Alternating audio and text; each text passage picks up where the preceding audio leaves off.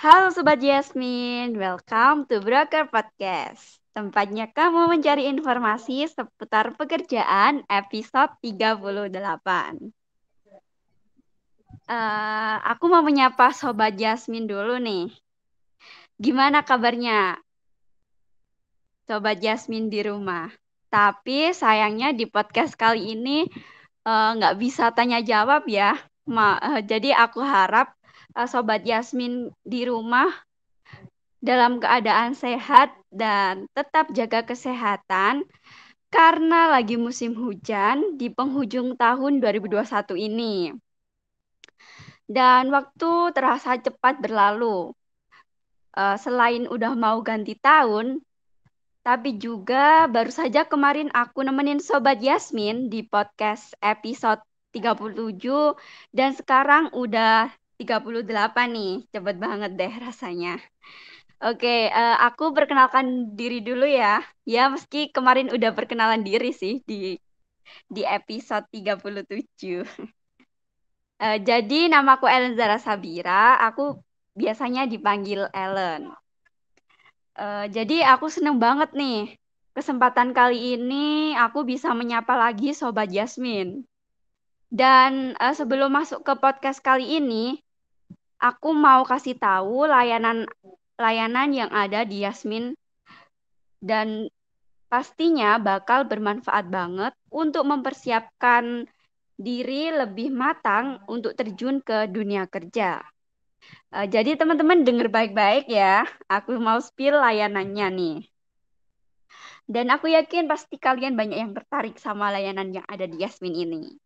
Jadi layanannya itu ada review CV, berbagi template CV, konsultasi karir, dan berita-berita seminar, dan lowongan kerja lainnya ada di Yasmin ini. Untuk bisa memanfaatkan layanan gratis itu, kalian bisa banget mengunjungin Instagramnya yasmin.or.id.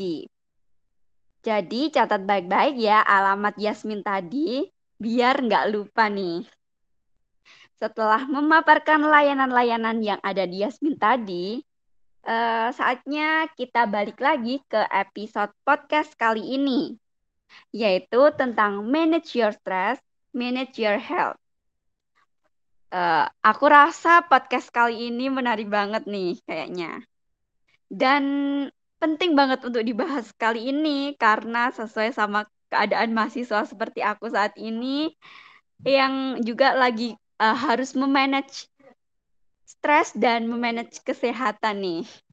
Oke, langsung aja yuk kita sapa dulu uh, narasumber kita kali ini. Halo Kak Ayu. Halo juga Kak Ellen. Uh, Oke, okay. uh, Kak Ayu bisa memperkenalkan uh, memperkenalkan singkat gitu Kak. Mungkin dari domisili, dari jurusan apa, dari universitas mana dan kesibukannya kakak saat ini ngapain aja nih? Oke Kak Ellen, makasih ya. Uh, aku pertama-tama uh, menyapa teman-teman di sini semua. Halo teman-teman semua. Uh, perkenalkan, aku Ayu Kusemaning Dia, biasa dipanggil Ayu. Uh, aku sendiri uh, sekarang uh, adalah mahasiswa di jurusan Gizi Universitas Jember angkatan tahun 2019. Jadi sekarang ini lagi semester 5 mau UAS, mau naik semester 6. Uh, dan aku sendiri berdomisili di Kabupaten Bondowoso di Provinsi Jawa Timur. Untuk kesibukannya, aku sekarang sibuk tentunya kuliah ya kuliah karena udah mau uas jadi ya gitu tahu sendirilah kesibukan kalau mau uas kayak gimana. Terus juga sekarang lagi sibuk di organisasi sih dan kepanitiaan. Itu dari aku Kak Ellen. Wah Kak Ayu cukup produk produktif ya uh, mungkin uh, sobat Jasmine uh, bisa termotivasi nih sama kesibukan-kesibukannya Kak Ayu. Selain fokus belajar untuk UAS, tapi juga fokus uh, di organisasi juga.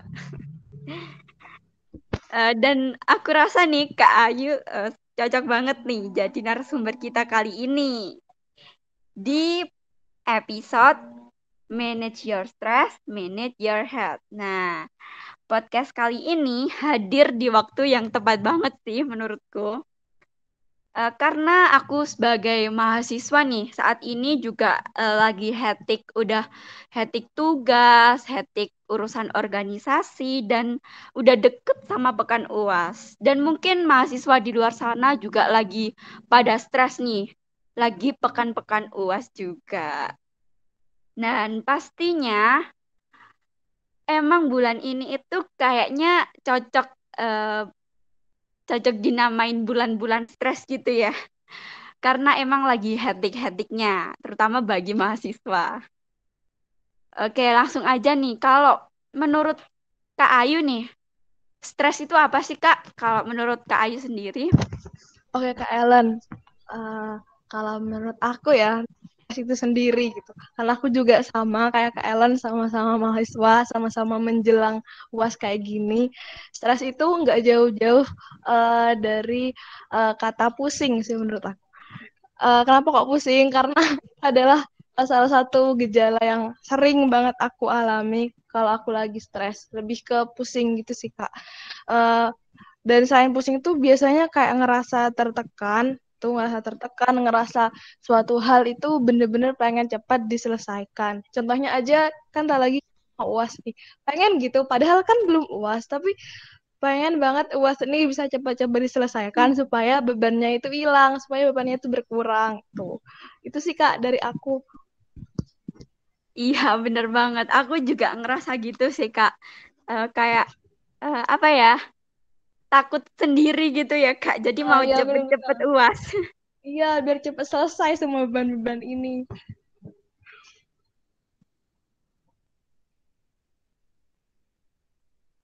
uh, dan mungkin kak Ayu uh, bisa menjelaskan nih kalau misal uh, stres dari pandangan psikologi sendiri itu apa sih? Oh oke okay, kak. Uh, kalau menurut literatur yang aku baca ya kak, uh, stres dari arti psikologi itu ya itu tuh kurang lebih artinya uh, sebagai itu definisinya adalah ketik, sebagai ketidakmampuan saat diri kita itu mengatasi uh, ancaman yang diperoleh dari luar dan ancaman itu tuh mengancam kondisi mental kita gitu, emosional, spiritual maupun fisik kita gitu. Jadinya akhirnya ketika ada ancaman biasanya sebenarnya ancaman ini bukan benar-benar ancaman apa ya ancaman yang membahayakan gitu enggak sih. Lebih ke suatu hal yang yang uh, apa ya kita tuh kayak kaget gitu. Kita tuh nggak biasa sama suatu hal itu. Terus tiba-tiba kita dikasih gitu. Dan itu kayak seakan-akan mengancam kondisi mental emosional spiritual maupun fisik kita. Jadinya akhirnya kita akan merasakan gejala-gejala uh, yang pada umumnya dirasakan ketika stres gitu. Uh, mulai dari kayak pusing, mulai dari kayak apa ya nggak nafsu makan dan sebagainya. Itu itu sih kak. Nah iya bener banget kak. Emang uh, stres itu juga mempengaruhi kayak pola makan juga gitu ya kak. Nah, apalagi bagi mahasiswa ya Allah udah ngekos kadang makannya juga gak rutin tambah terus tambah pas stres juga aduh Iya, emang Uh, jadi episode ini cocok banget nih buat kita biar bisa memanajemen stres kita sendiri gitu ya kak. Iya bener-bener kak. Nah uh, kalau menurut kakak uh, apa sih yang bisa kita lakuin nih kak kalau misal kita lagi di fase stres gitu kak? Oh oke. Okay uh, apa sih yang bisa dilakukan kalau lagi di fase stres ya? Kalau menurut pengalaman pribadiku ya kak, aku sendiri kalau lagi stres itu, itu yang pertama aku lakukan tuh, aku tuh uh, apa ya, kayak berusaha menyadari kalau kalau memang aku tuh memang benar-benar dalam kondisi yang tidak baik-baik aja gitu, dalam kondisi yang uh, apa ya istilahnya kayak tubuhku nih memang kayak butuh jeda gitu, butuh jeda sejenak. Jadi aku tuh biasanya bakal kayak ngevalidasi uh, apa yang aku rasa, ngevalidasi emosi maupun stres yang aku rasa. Biasanya aku tuh pakai kayak kata-kata it's okay to not be okay gitu kak, kayak judulnya drakor.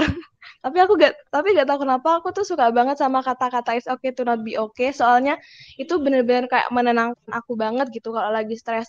Kayak memvalidasi kalau boleh kok kamu tuh ngerasa stres boleh kok kamu tuh ngerasa gak baik-baik aja gitu nah jadi setelah uh, jadi setelah apa ya setelah divalidasi oleh diriku sendiri kayak gitu biasanya aku tuh pelan-pelan akan merasa uh, sedikit lebih tenang. Terus setelah aku jadi ngerasa sedikit lebih tenang itu uh, aku juga biasanya sambil kayak tarik nafas gitu. Pokoknya gimana caranya uh, gak cuma gak cuma apa ya gak cuma perasaan aja yang tenang tapi secara fisik gitu ya itu tuh juga pelan-pelan tuh bisa jadi tenang lagi. Kan biasanya kalau stres kadang tuh kayak yang nafas tuh agak gimana gitu-gitu kan. Itu aku intinya berusaha kayak ngatur nafas lagi gitu tuh nenangin nenangin diri. Terus setelah aku kayak berusaha nenangin di nenangin diri uh, aku itu baru akhirnya kayak pelan-pelan ngajak diri sendiri mikir sih kak gitu. Ngajar ngajak diri sendiri untuk mikir kalau apa ya kalau semua ini tuh segala kesulitan yang membuat aku stres itu tuh uh, pasti akan ada akhirnya gitu. Pasti bersama kesulitan itu pasti akan ada kemudahan kan. Jadi ya sudah gitu. Pada akhirnya kita hanya bisa jalanin kita hanya bisa berikhtiar berusaha yang terbaik terus doa juga semoga uh, mohon semoga dimudahkan gitu. Uh, jadi terus juga oh ya selain itu aku tuh juga biasanya nggak udah kayak stres banget itu uh, gak lupa untuk self healing sih kak. Dan ya aku yakin pasti teman-teman di sini semua punya self healing yang beda-beda gitu ya caranya. Kalau aku sendiri itu lebih ke itu lebih ke nonton film sih nonton drakor karena aku memang suka banget nonton drakor akhir-akhir ini. Uh, kalau enggak sih uh, apa ya aku tuh juga sekarang kan uh, lagi suka sama itu BTS kan. Jadi ya istilahnya fan, fan girlingan gitu kak. Jadi ya itu jangan lupa untuk self healing juga bagi teman-teman yang lagi ngerasain stres. Itu dari aku kak. Ya jadi yang awal itu kita harus nenangin diri dulu gitu ya kak. Iya bener kak. Bener. Baru tubuh ini bisa diajak berkompromi lagi, bisa ah, diajak itu. buat mikir gitu. Nah betul betul itu kak. Dan tentunya kita harus uh, menerima uh, diri kita dulu. Kalau emang lagi stres ya udah coba deh ditenangin, kayak diterima gitu ya kak. Diri kita itu kayak uh, harus bisa nerima gitu ya. Iya iya itu benar soalnya ya itu apa ya kan kita juga manusia nggak sempurna gitu. Kita tuh nggak bisa dalam kondisi yang baik-baik aja gitu. Pasti memang bakal ada saatnya kita ngerasa stres. So it's okay to not be okay. Uh, iya kak. Eh, jadi uh, setelah kita membahas soal stres-stres tadi ya kak ya pastinya mempengaruhi pola makan dan bikin diri kita kayak lebih cemas gitu ya kak kayak eh, nggak uh, bisa berpikir atau kayak lebih ketakutan nih mau melakukan suatu hal itu kayak nggak tenang gitu kan kak. Nah kalau menurut kakak sendiri nih, uh, apakah uh, stres itu selalu berdampak negatif sih kak? Oke kak, kalau ditanya apakah stres itu selalu berdampak negatif, uh, menurut aku nggak selalu berdampak negatif kak. Karena apa? Karena uh, ya meskipun ya gejala-gejala stres yang kita rasa itu rasanya kayak negatif ya udah pusing terus kadang kayak gak nafsu makan bahkan sampai emah dan sebagainya. Tapi ternyata stres itu ada dampak uh, positifnya juga loh gitu. Contohnya apa? Contohnya uh, apa ya dari stres kita tuh kan tahu kalau ternyata manusia itu punya batas kemampuannya masing-masing. Dan dari situ kita juga sadar kalau oh tubuh uh, jiwa apa ya jiwa tubuh dan mental kita ini ternyata uh, lagi disuruh untuk rehat sejenak gitu melalui stres ini gitu melalui al alarm dari stres ini. Dan uh, dari situ kita juga sadar gitu kalau uh, ternyata kita tuh manusia memang nggak nggak bisa sendirian gitu. Dan it's okay kalau kita kayak lagi kayak memang butuh pertolongan gitu sama orang gitu. Jadi kayak stres tuh bisa kayak jadi titik baliknya kita gitu untuk sadar hal-hal yang uh, apa ya filosofis itu dan juga dari stres juga ya itu biasanya kadang malah ningkatin produktivitas kita. Kenapa? Karena apa ya? Karena dari stres itu uh, kita tuh jadi termotivasi kan, pengen cepat selesai bebannya. Akhirnya, akhirnya mau gak mau mau gak mau tuh bakalan usahain diri untuk produktif dan cepat ngelarin hal itu kak itu dari aku kak hmm, jadi uh, stres itu nggak selamanya uh, berdampak negatif ya Kak, tergantung kita uh, menyadarinya gitu. Iya, Jadi bener kayak bisa banget itu bikin kita uh, jadi lebih sadar gitu ya Kak. Ya benar Kak. Nah Kak, uh, uh, aku tuh uh, pernah baca-baca nih Kak. Jadi kalau stres itu dibagi menjadi dua. Ada eustress sama distress. Nah, kira-kira kakak sendiri pernah nggak terdampak distress?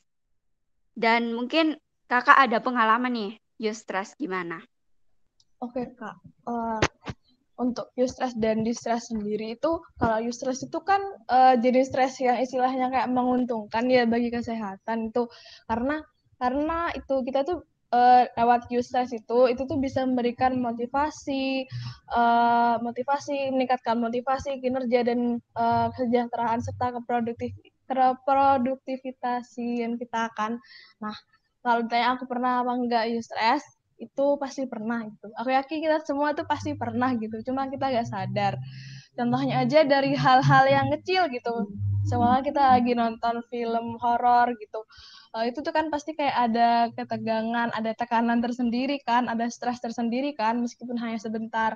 Terus juga pas kayak pertama pengalaman kita uh, kalau nanti kerja itu biasanya juga bakal ada stres di awal-awal itu tuh termasuk you stres juga. Terus juga mungkin pengalaman-pengalaman ya yang sebab pertama itu kan selalu ada ketegangan tersendiri kan gitu.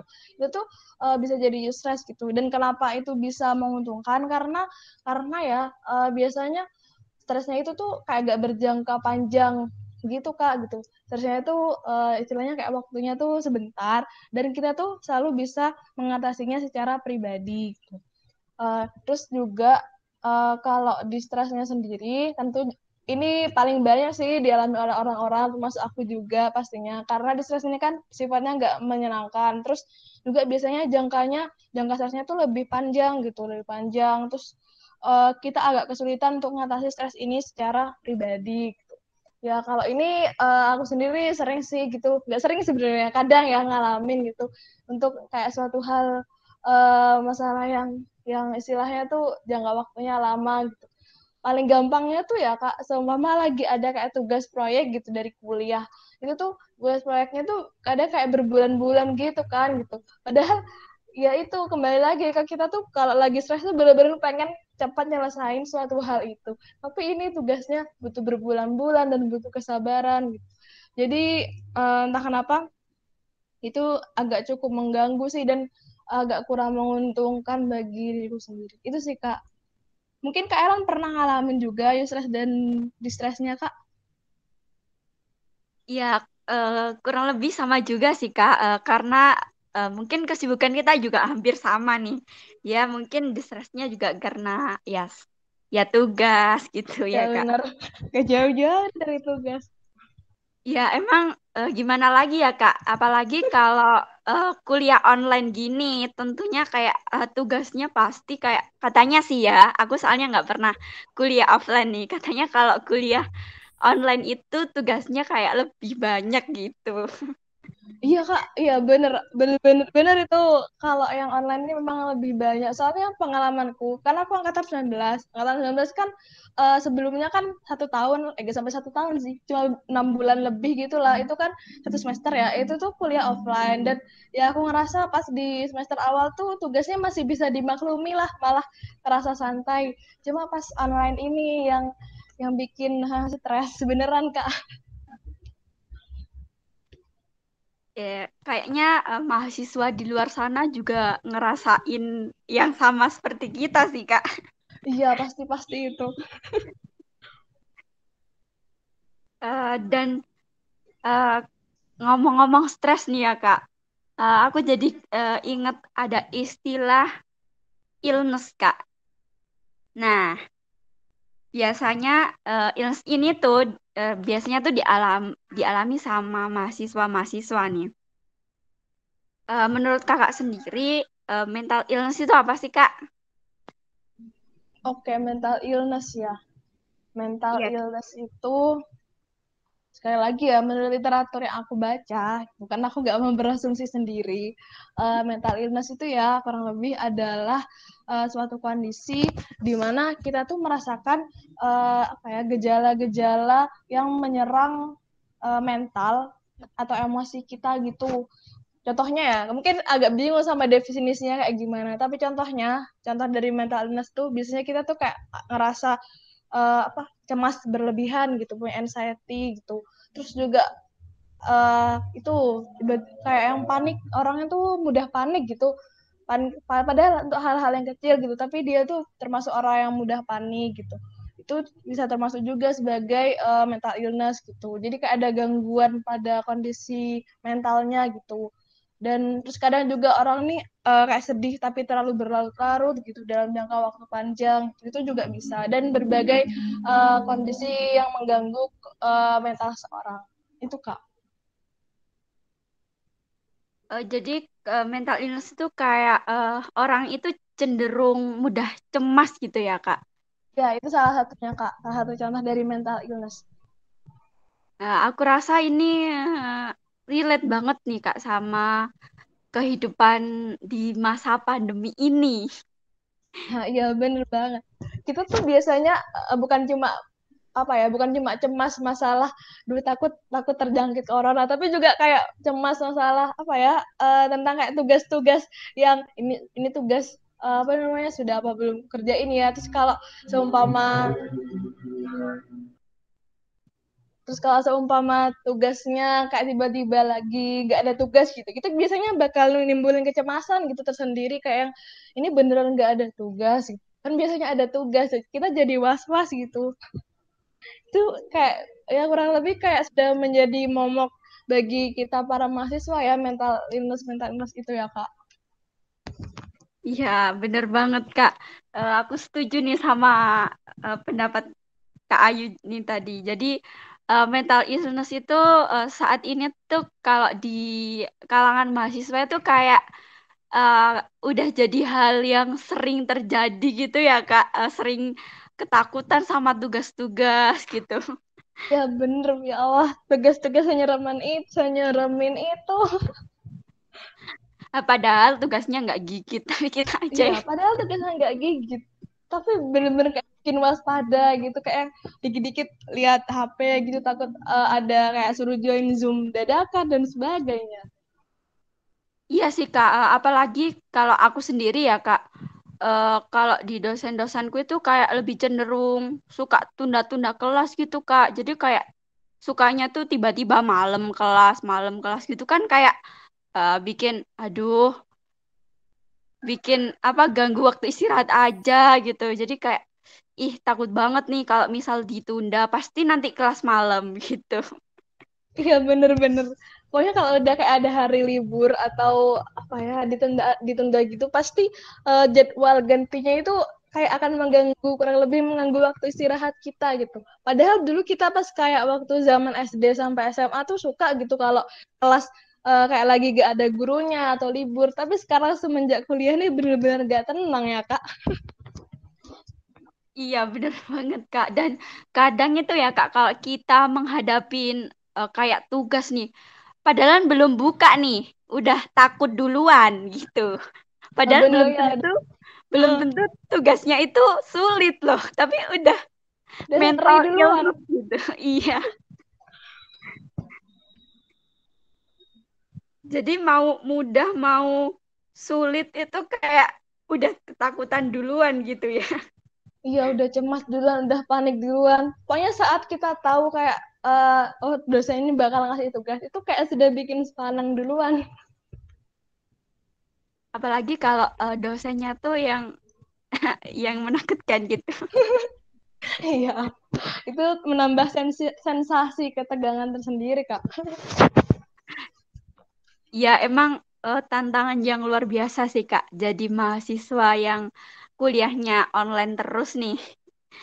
Dan pastinya kayak uh, mau istirahat tuh kayak takut gitu. Meskipun ya meskipun ditunda nih waktunya. Waktu kelasnya ditunda tapi kayak istirahat itu kayak was-was nih. Jangan-jangan nanti dikirimin tugas gitu. Jangan-jangan nanti linknya di-share dadakan gitu. Iya kak, bener-bener yang mau tidur, yang mau merem tuh gak tenang dikit-dikit ngecek HP. Ya Allah. Dan uh, kayak sekarang itu jadi ada uh, apa ya? Ada kata-kata yang lagi lagi apa ya? Lagi populer nih kak mau mau di TikTok kah, mau di pembicaraan kita nih. Apa itu kak? Uh, itu nih kak, uh, kata-kata healing. Oh healing, Ada oh iya healing. iya aku tahu healing.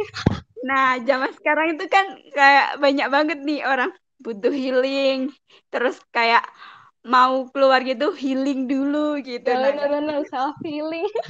Iya betul banget. Kalau menurut kakak sendiri, uh, apakah healing itu penting sih kak?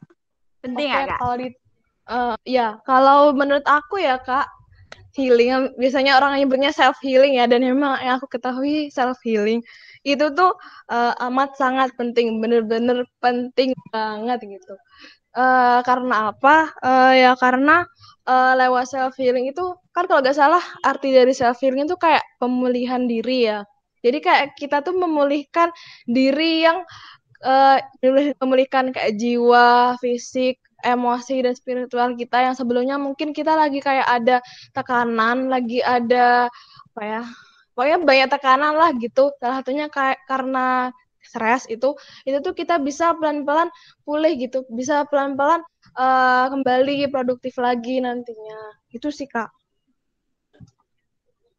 Iya, bener banget. Jadi kayak self healing itu kayak uh, refreshing otak gitu ya.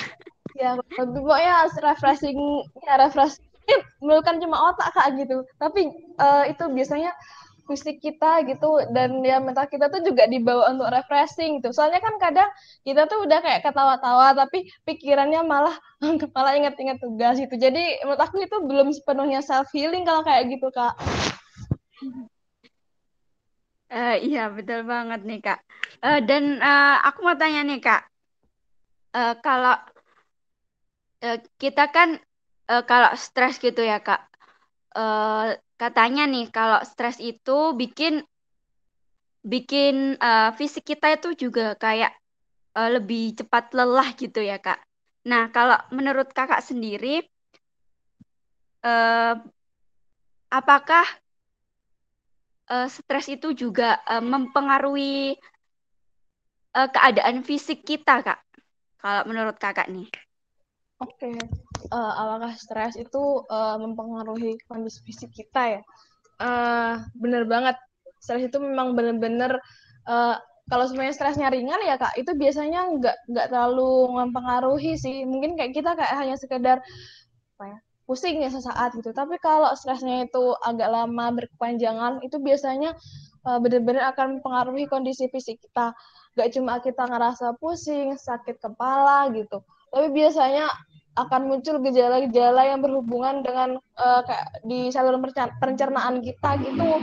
Kayak mah gitu contohnya. Apalagi aku sendiri jujur aku sendiri juga kalau udah kayak lagi stres banget itu berpengaruh ke mahku. Jadi mahku tuh kambuh kak tuh terus juga uh, sebenarnya kan bahaya ya kalau kayak orang tuh terlalu lama stres terus bisa nyebab nyebabin mah gitu. Soalnya uh, mahnya tuh gak hanya sekedar sakit perut tapi apa ya bisa aja tuh kayak sampai jadi kayak diare jadi kayak mual-mual gitu itu itu aku rasain sendiri jadi kayak bener-bener dah stres yang nggak berkepanjangan itu itu tuh bakal mempengaruhi kondisi fisik kita. Jadi kita harus uh, gimana caranya untuk bisa memulihkan diri gitu, menghilingkan diri, menyembuhkan diri uh, dari yang namanya stres itu semampu kita. Itu Kak. Ya, jadi uh, kalau uh, aku pernah baca nih Kak, jadi uh, orang sakit itu kadang dipengaruhi sama pikiran kita juga nih Kak. Jadi kalau mungkin pikiran kita lagi stres itu kayak kita tuh lebih stres berkepanjang itu pasti mempengaruhi kesehatan kita gitu ya kak. Seperti kak Ayu tadi uh, jadi kayak uh, bisa sakit emah gitu ya karena iya kak itu bener-bener aduh bener-bener. Ya itu kalau pikir-pikir padahal kan cuma karena kita stres aja karena ya gitu tapi ternyata beneran mempengaruhi kondisi fisik sampai segitunya kak Iya, bener banget nih Kak. Uh, dari tadi kita udah uh, ngomong panjang lebar banget ya Kak. Iya, oh muter-muter di stres tentang ya, terus juga ya tugas-tugas mahasiswa. Pokoknya hal-hal yang berhubungan dengan uh, stres yang dialami mahasiswa yang berpengaruh ke kesehatannya juga kan Kak. Iya, bener banget. Nah, uh, untuk mengakhiri podcast, uh, kok mengakhiri sih? Uh, untuk menutup nih Kak, menutup podcast episode kali ini, uh, Kakak bisa kasih closing statement gitu buat Sobat Yasmin di rumah.